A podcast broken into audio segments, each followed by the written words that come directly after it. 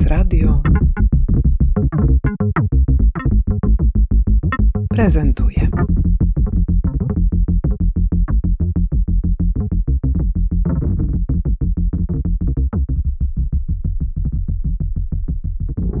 Agata Szydłowska, autorka książki Futerał o urządzaniu mieszkań w PRL-u. Twoja książka to wydarzenie dla tych wszystkich, którzy fascynują się PRL-em, którzy fascynują się designem, designem polskim, designem polskim z XX wieku, którzy interesują się wzornictwem szeroko pojętym, którzy interesują się architekturą. Tutaj naprawdę można bardzo długo wymieniać tych wszystkich, dla których Twoja książka będzie niezwykle ciekawym spotkaniem nie tylko z faktami materialnymi z drugiej połowy XX wieku w Polsce, ale także z wyobraźnią, zaradnością i tymi wszystkimi cechami, które wiążą się z urządzaniem i użytkowaniem mieszkań, a także z wyobrażeniem komfortu. Zacznijmy może od tej kategorii. Ona jest szczególnie interesująca. W jaki sposób definiowane były te pożądane elementy komfortu w różnych okresach, które opisujesz. No bo jeżeli otworzymy książkę i spojrzymy tutaj do spisu treści, i robimy to właśnie w tej chwili, to ty nas przeprowadzasz przez właściwie wszystkie dekady po zakończeniu II wojny światowej aż do 1989 roku. No i jak ten komfort się zmieniał? To jest bardzo ciekawe, bo właściwie komfort jest e, od XVIII, a w szczególności od XIX wieku taką kluczową kategorią, y, jeśli mówimy w ogóle o zamieszkiwaniu, o wnętrzach prywatnych.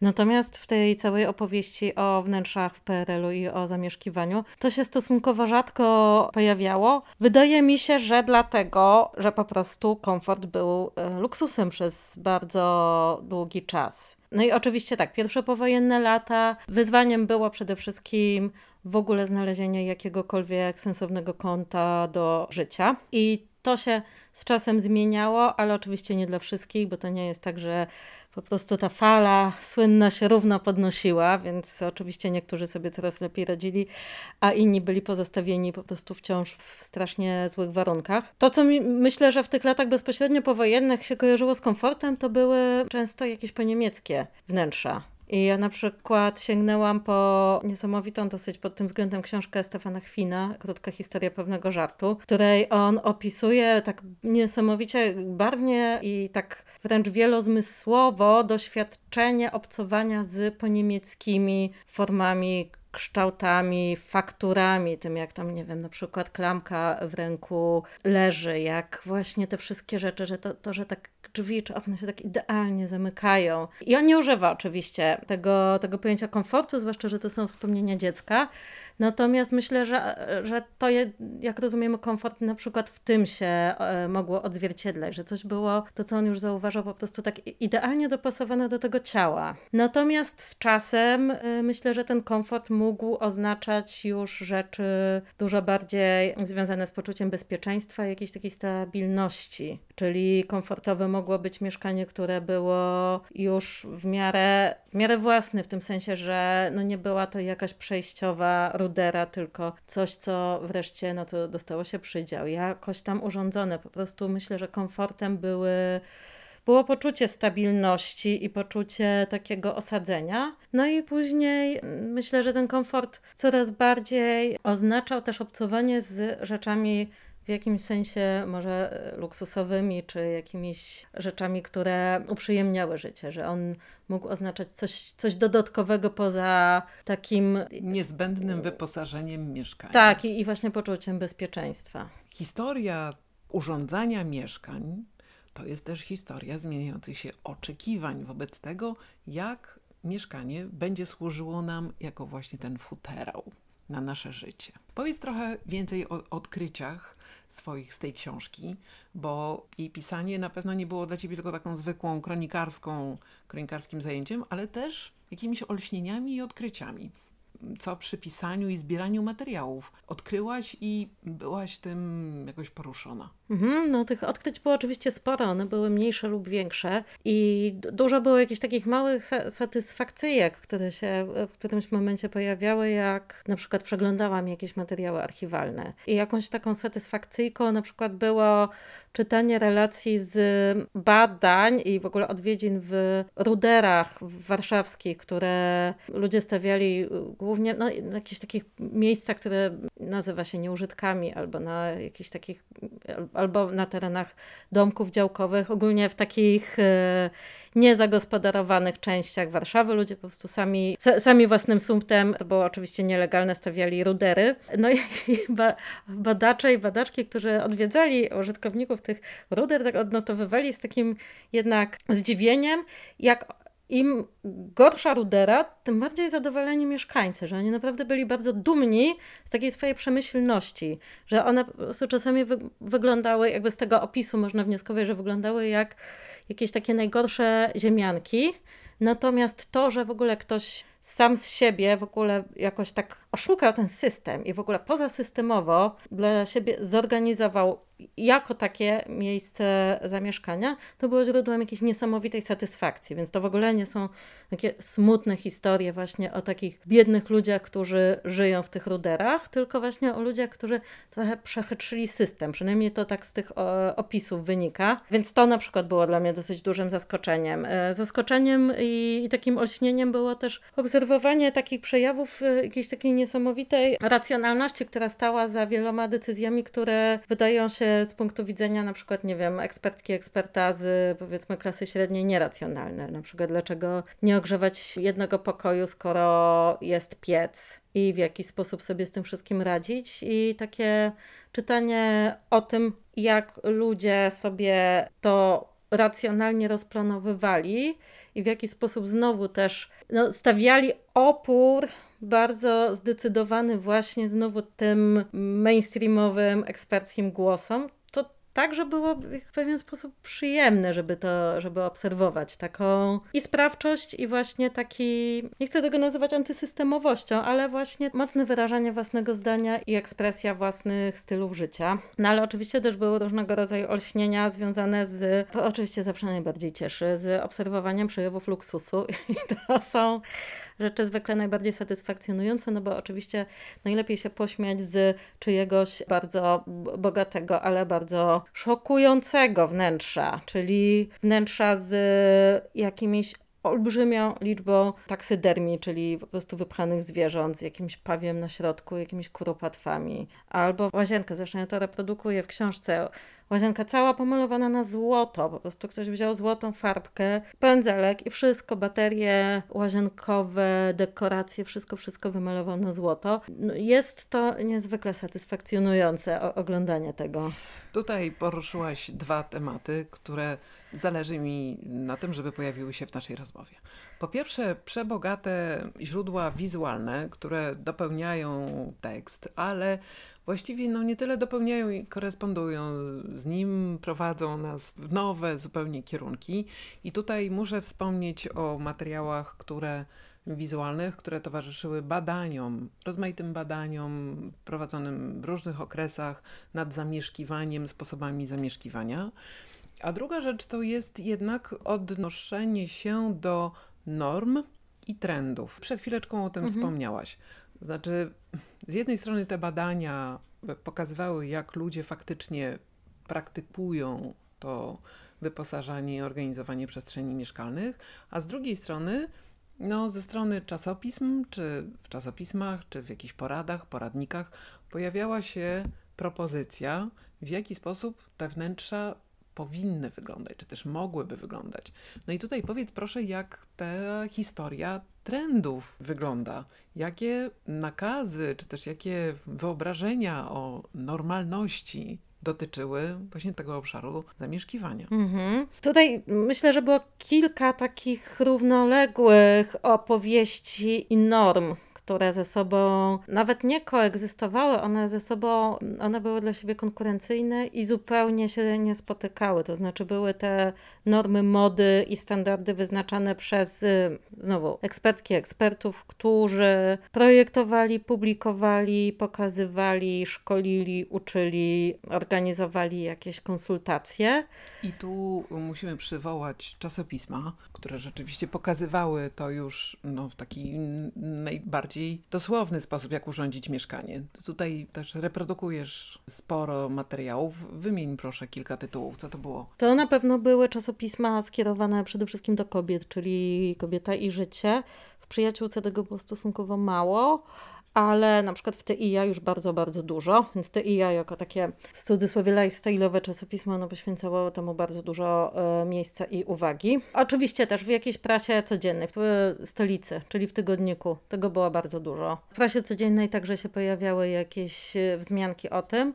No i oczywiście mnóstwo poradników i poradniki. No, widać zresztą po i nakładach, i wznowieniach, i w ogóle liczbie tytułów, jak bardzo to była kwestia paląca, która naprawdę wszystkich y, bardzo interesowała i myślę, że ludzie tym naprawdę żyli. To znaczy od strony ekspertów była jakoś tam zauważona, nie wiem, potrzeba wyszkolenia ludzi w bardzo normatywnie przez nich rozumianym, prawidłowym zamieszkiwaniu. Natomiast myślę, że ludzie także kupowali nawet niekoniecznie po to, żeby coś dokładnie zrealizować zgodnie z wytycznymi, ale nawet z ciekawości, żeby przejrzeć. Myślę, że, że te, te książki były jednak kupowane, że po prostu to urządzanie się było naprawdę czymś, co ludzi bardzo, bardzo absorbowało i było takim węzłowym momentem w ogóle w życiu, no może nie jednostki, ale rodzinny na pewno. Więc mamy ekspertów. No i tu, tutaj te mody i normy, one tak, z jednej strony to były jakieś normy funkcjonalne, no bo to, o czym ja piszę, w dużej mierze jest opowieścią o wdrażaniu projektu modernizacyjnego, o wdrażaniu nowoczesności. I ta nowoczesność wiąże się z bardzo jasno zdefiniowanymi normami, jak zamieszkiwać, że trzeba zamieszkiwać higienicznie, nowocześnie, czysto, w jaki sposób na przykład y, rozplanowywać różnego rodzaju funkcjonalności w mieszkaniu, tak żeby to było wszystko no, działało dobrze, sprawnie jak maszyna, zwłaszcza, że mieszkania były małe, więc to trzeba było naprawdę zrobić sensownie. A druga rzecz, oczywiście, no to są jakieś takie mody, które były, i to jest dosyć ciekawe, no bo jednak nawet dzisiaj tak nie jest, że się wymienia wystrój mieszkania co sezon, a wówczas to z całą pewnością tak nie było, no bo nikogo nie było stać, ani nie miał możliwości, żeby cały czas robić jakiś, jakąś zmianę wystroju, zmianę umeblowania. Natomiast różnego rodzaju takie ekspertki, które publikowały na łamach prasy, one tak ogłaszały te mody mieszkaniowe, tak jak się ogłaszały kiedyś mody y, ubraniowe, że w tym sezonie tylko to, tam to już absolutnie nie, że w tym sezonie tylko y, ceramika z Włocławka. Wyrzućcie, nie wiem, siwaki, to oczywiście jest wymyślony przykład, ale chodzi mi o, o ton.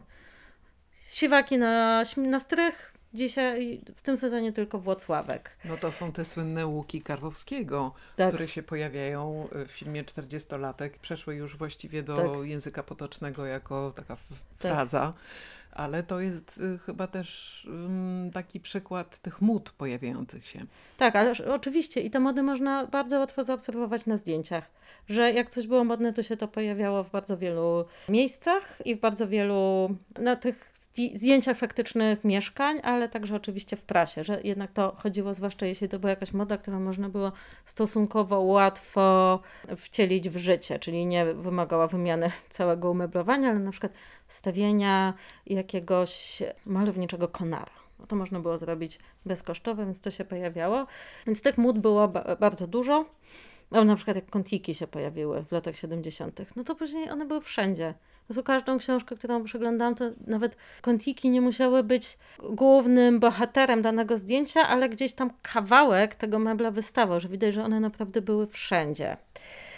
No, ale ludzie też mieli, no i tutaj mówimy o tej warstwie takiej ekspercko odpowiadającej za dobre gusta, no ale oczywiście ludzie mieli też swoje normy i swoje gusta, no i to, to szło równolegle. No i oczywiście eksperci tam się zrzymali, że na przykład ludziom się wydaje, że normą jest y, stół z krzesłami na środku.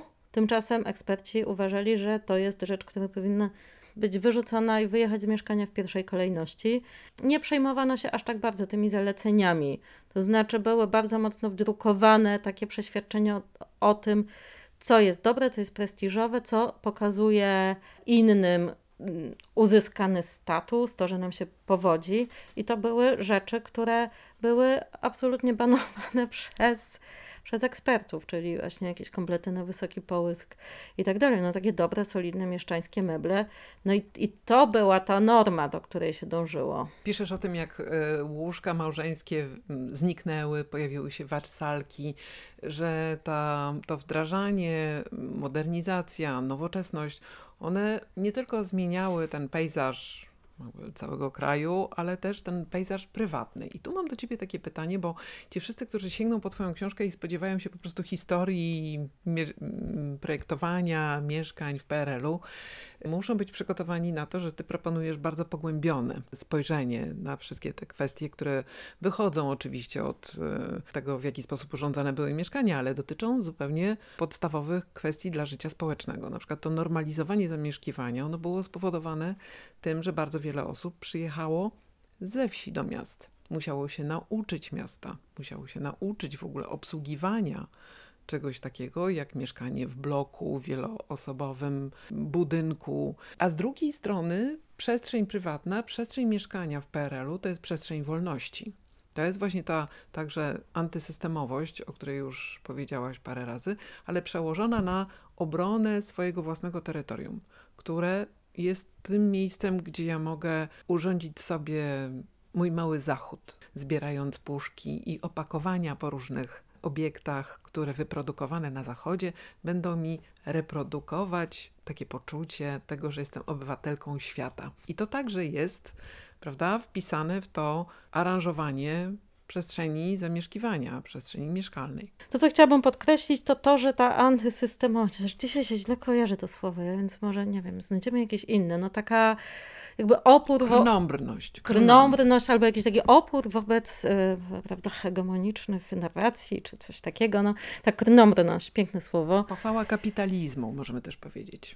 Tęsknota za kapitalizmem wiesz, ta, ta krnąbrność nie polegała wcale na takiej antysystemowości jakby do korzenia, tylko po prostu było to też pragnienie wejścia w, w, inny system gospodarczy. No w dużej mierze tak, ale ja bym tego właśnie nie interpretowała jako bezpośredni opór wobec konkretnej władzy politycznej, która tam gdzieś sobie siedziała w, w budynku KC czy gdziekolwiek indziej. Tutaj ta, ta władza, jeśli w ogóle ja jakby mówię o władzy, no to przede wszystkim o tej władzy rozumianej jako jakiś tam właśnie normatywny, hegemoniczny opowieść o tym, jakie są normy i jak powinno się żyć. No i, no i ten opór jest wobec właśnie niekoniecznie polityków, ale wo wobec tego, co się ludziom narzuca, a narzucono sporo przede wszystkim dlatego, żeby to jakoś często w sposób oczywiście taki prymitywny, przemocowy, po to, żeby jakoś to wszystko ogarnąć i zorganizować. Czyli oczywiście no, nikomu się tam specjalnie nie podobało upychanie ludzi w małych mieszkaniach, no ale no jakoś to była też taka konieczność momentu dziejowego, że tych mieszkań po prostu nie było. Jakby też patrząc z, z dzisiejszych czasów, to bardzo często jest taka narracja o tym, że właśnie, że ludzie nie mieli wolności, dlatego że na przykład im kazali, że nie można było mieszkać w mniej osób w większym mieszkaniu, że były właśnie te wszystkie takie normatywy jakoś strasznie wyśrubowane, a teraz to jak ktoś chce, to może nawet jednoosobowo zamieszkiwać po prostu dom, nie wiem, o powierzchni 200 czy 400 metrów kwadratowych i kto mu zabroni takie rzeczy w ogóle, jakby obchodzenie systemu, jeśli chodzi o obchodzenie prawa, także oczywiście funkcjonowały, zwłaszcza w latach 70. i 80. No i jakby tu, jakby tu jest ten, moim zdaniem, takie wyzwanie, żeby trochę się od, odbić od takich e, interpretacji tego, co się wówczas działo z punktu widzenia tego, w którym my w tej chwili się znajdujemy, bo jeśli mamy sytuację, w której naprawdę kraj jest strasznie zniszczony, jeszcze jest boom demograficzny, to naprawdę nie ma gdzie ludzi poumieszczać. W związku z tym wiele rzeczy, które jest po prostu odbierane jako jakąś tam atak na, na wolność wyboru, prywatność i tak dalej, no było jakoś tam właśnie, no często nie, niesympatycznie i przemocowo, ale jakoś tam motywowana tą, tą koniecznością. A opór, mm, wydaje mi się, że opór też wynika w ogóle z trwałości bardzo wielu form, które z którymi po prostu ludzie przyjechali, no bo wspomniałaś o tym, że ludzie musieli się nauczyć mieszkania w miastach, no bo były duże migra du bardzo duża migracja ludzi ze wsi do miasta. No tak.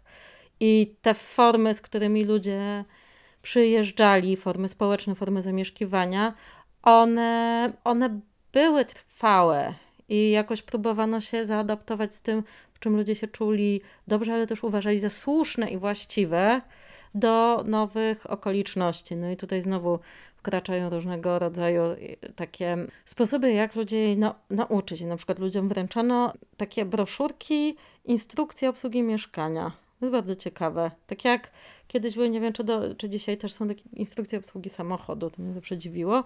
No i instrukcje obsługi mieszkania. No i tam taka podstawowa wiedza na temat tego, gdzie na przykład zadzwonić, jak się coś zepsuje, że to wtedy, nie wiem, jak rura pęknie, to do hydraulika, jak coś tam, to do kogoś tam innego, do elektryka, ale też takie podstawowe informacje, jak na przykład utrzymywać w czystości posadzkę, jak odmalowywać ściany. No takie podstawowe informacje, które też myślę służyły temu, żeby ludzie no, nie niszczyli tych mieszkań. To jednak nie był ich prywatny zasób, tylko to były mieszkania no, często po prostu spółdzielcze, więc też chodziło o to, żeby oni po prostu ich przez niewiedzę nie poniszczyli, żeby tam po prostu ta posadzka w miarę się dobrze utrzymała.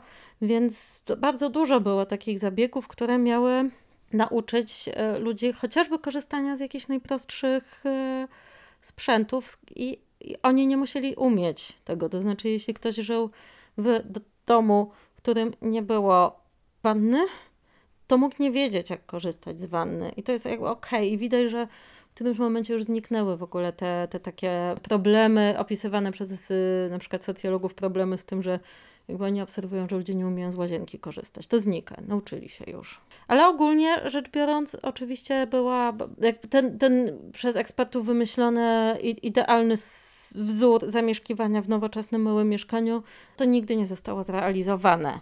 Bo zanim e, ludzie się nauczyli, to tak naprawdę bardzo dużo się zmieniło i mieszkania stały się coraz większe, powróciły stoły, powróciły te dawne formy, że one jednak się okazały dużo trwalsze niż te różnego rodzaju stosunkowo nowe pomysły związane z nowoczesnością. Ideologów nowoczesności. Tak. Kiedy czytałam pierwsze zapowiedzi Twojej książki, to uderzyło mnie to, że w opisie od razu właściwie jest już takie zdystansowanie się od Stanisława Barei. A przecież Bareja jest zasobem niezwykłym zupełnie, jego filmy, niezwykłym zasobem wiedzy o tym, w jaki sposób ludzie w PRL-u podchodzili do zamieszkiwania. No i powiedz mi proszę, czy ty korzystasz y, z, y, tej, z tego zasobu popkultury i w jaki sposób w swojej książce? No oczywiście, że korzystam. To znaczy to, że ja się tutaj dystansuję wobec Barei wcale nie oznacza, że ja tego Bareję omijam, tylko dystansuję się wobec wobec traktowania filmów Barei jako źródeł historycznych, gdyż jest to kreacja artystyczna, a nie źródło. Więc ja traktuję go adekwatnie, tak przynajmniej się wydaje. Ja nie wiem, bo w wielu momentach nam się wydaje, że Bareja robił dokumenty, a nie, nie była to żadna kreacja i w dodatku aktualne do dziś. No ale rozumiem, że to żarty są. Tak, tak. No, dla mnie w ogóle ta popkultura była dla mnie wspaniałym e, źródłem e, przyjemności. No i też swojego rodzaju źródłem, ale traktowanym trochę inaczej. To znaczy, bardziej ona pokazywała. Mm, w popkulturze można też trochę poobserwować raz, że te normy, to znaczy to jak, jakby jakieś takie typy idealne, znaczy to, to w jaki sposób funkcjonowały te kody, które, które dotyczyły związku między mieszkaniem a jego użytkownikiem. To znaczy, bardzo często i w filmach, i w literaturze, i to przede wszystkim w takiej literaturze, powiedzmy, nie najwyższych lotów, tylko raczej takiej gatunkowej, postaci były charakteryzowane poprzez między innymi opis ich mieszkania. Co dla mnie jest wspaniałym źródłem wglądu w to, jak te kody były jednak powszechnie rozumiane. I jakby to też pokazuje, że pewnego rodzaju rzeczy, które na przykład dla nas już nie są czytelne, typu, nie wiem, skojarzenie stołu, jakby okrągłego stołu na środku mieszkania z, nie wiem, osobami o jakichś tam aspiracjach mieszczańskich, no że to, to bardzo mocno było ugruntowane. Więc zarówno Bareja, jak i różnego rodzaju autorki, które takiej właśnie literatury popularnej, które ja cytuję, że oni bardzo spójnymi kodami się, się posługują. Więc no tak, mam, mam tutaj sporo i właśnie i popkulturę. Ta popkultura jest oczywiście dużo mniej skomplikowana w tym sensie, że to są dużo bardziej takie przejaskrawione przykłady, że jak mamy u Małgorzaty robić jakąś potworną rodzinę, no to ona ma też automatycznie potworne mieszkanie i tego po prostu Małgorzata Musierowicz absolutnie nie niuansowała, jakby tam nie było dysonansu poznawczych. W literaturze powiedzmy bardziej ambitnej, no to to już nie było tak bardzo oczywiste, ale do takiej powiedzmy literatury uznanej bardziej za, za literaturę piękną, a nie za taką palpową fikcję, no też oczywiście sięgam. I, I sięgam do przede wszystkim do mojego ukochanego Mirona Białoszewskiego. No ale oczywiście też tam odrobinę, bo trzeba też było się miarkować, bo tego już było za dużo, ale też sięgam do, do Tyrmanda, który też jest taki trochę na pograniczu. E, no i do kilku innych autorów i autorek, no bo, no bo to też się pojawiało. I tam mamy już dużo bardziej zniuansowane opisy tej relacji człowieka z mieszkaniem. Czy to zatrzymanie się na 89 roku i zatrzymanie się na tym symbolicznym końcu PRL-u, czy to nie jest jakieś zaproszenie do powstania drugiego tomu, czyli e, o urządzaniu mieszkań transformacji. Transformacji post-PRL-u. Czy napisałabyś? No może kiedyś bym napisała, tak. Już... E... Tak, już dostawałam takie pytania. I... Ale masz już materiał? Nie, nie, nie, absolutnie nie. A jakby się nazywał ten rozdział? Bo te rozdziały są takie zabawnie mm, się nazywają i ten ostatni nosi tytuł... To łyżeczka. No właśnie. To jak ten nowy, ten nowe, nowe otwarcie, jakby się to nazywało? Po, no. Post-transformacyjne. Ojej, nie wiem zupełnie. No, jeśli chciałabym nawiązać do tego łóżeczka, no to, to pewnie trzeba byłoby w końcu wstać z tego łóżeczka.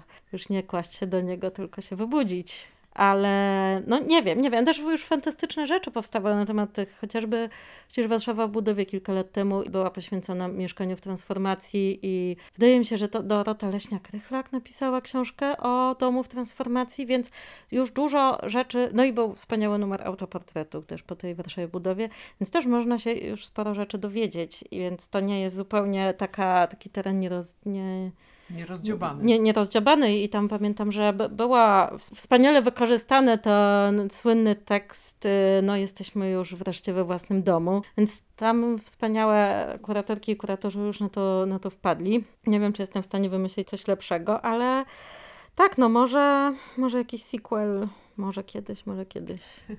Tymczasem wszystkich bardzo zachęcamy do tego, żeby sięgnąć po Twoją książkę, nie zrażać się jej rozmiarem, tak, bo w pierwszym rzucie oka to robi takie wrażenie solidnej lektury, nad którą trzeba usiąść, bo czytanie jej w łóżku może, w łóżeczku właśnie, w łóżeczku może być trochę trudne ze względu na jej rozmiar.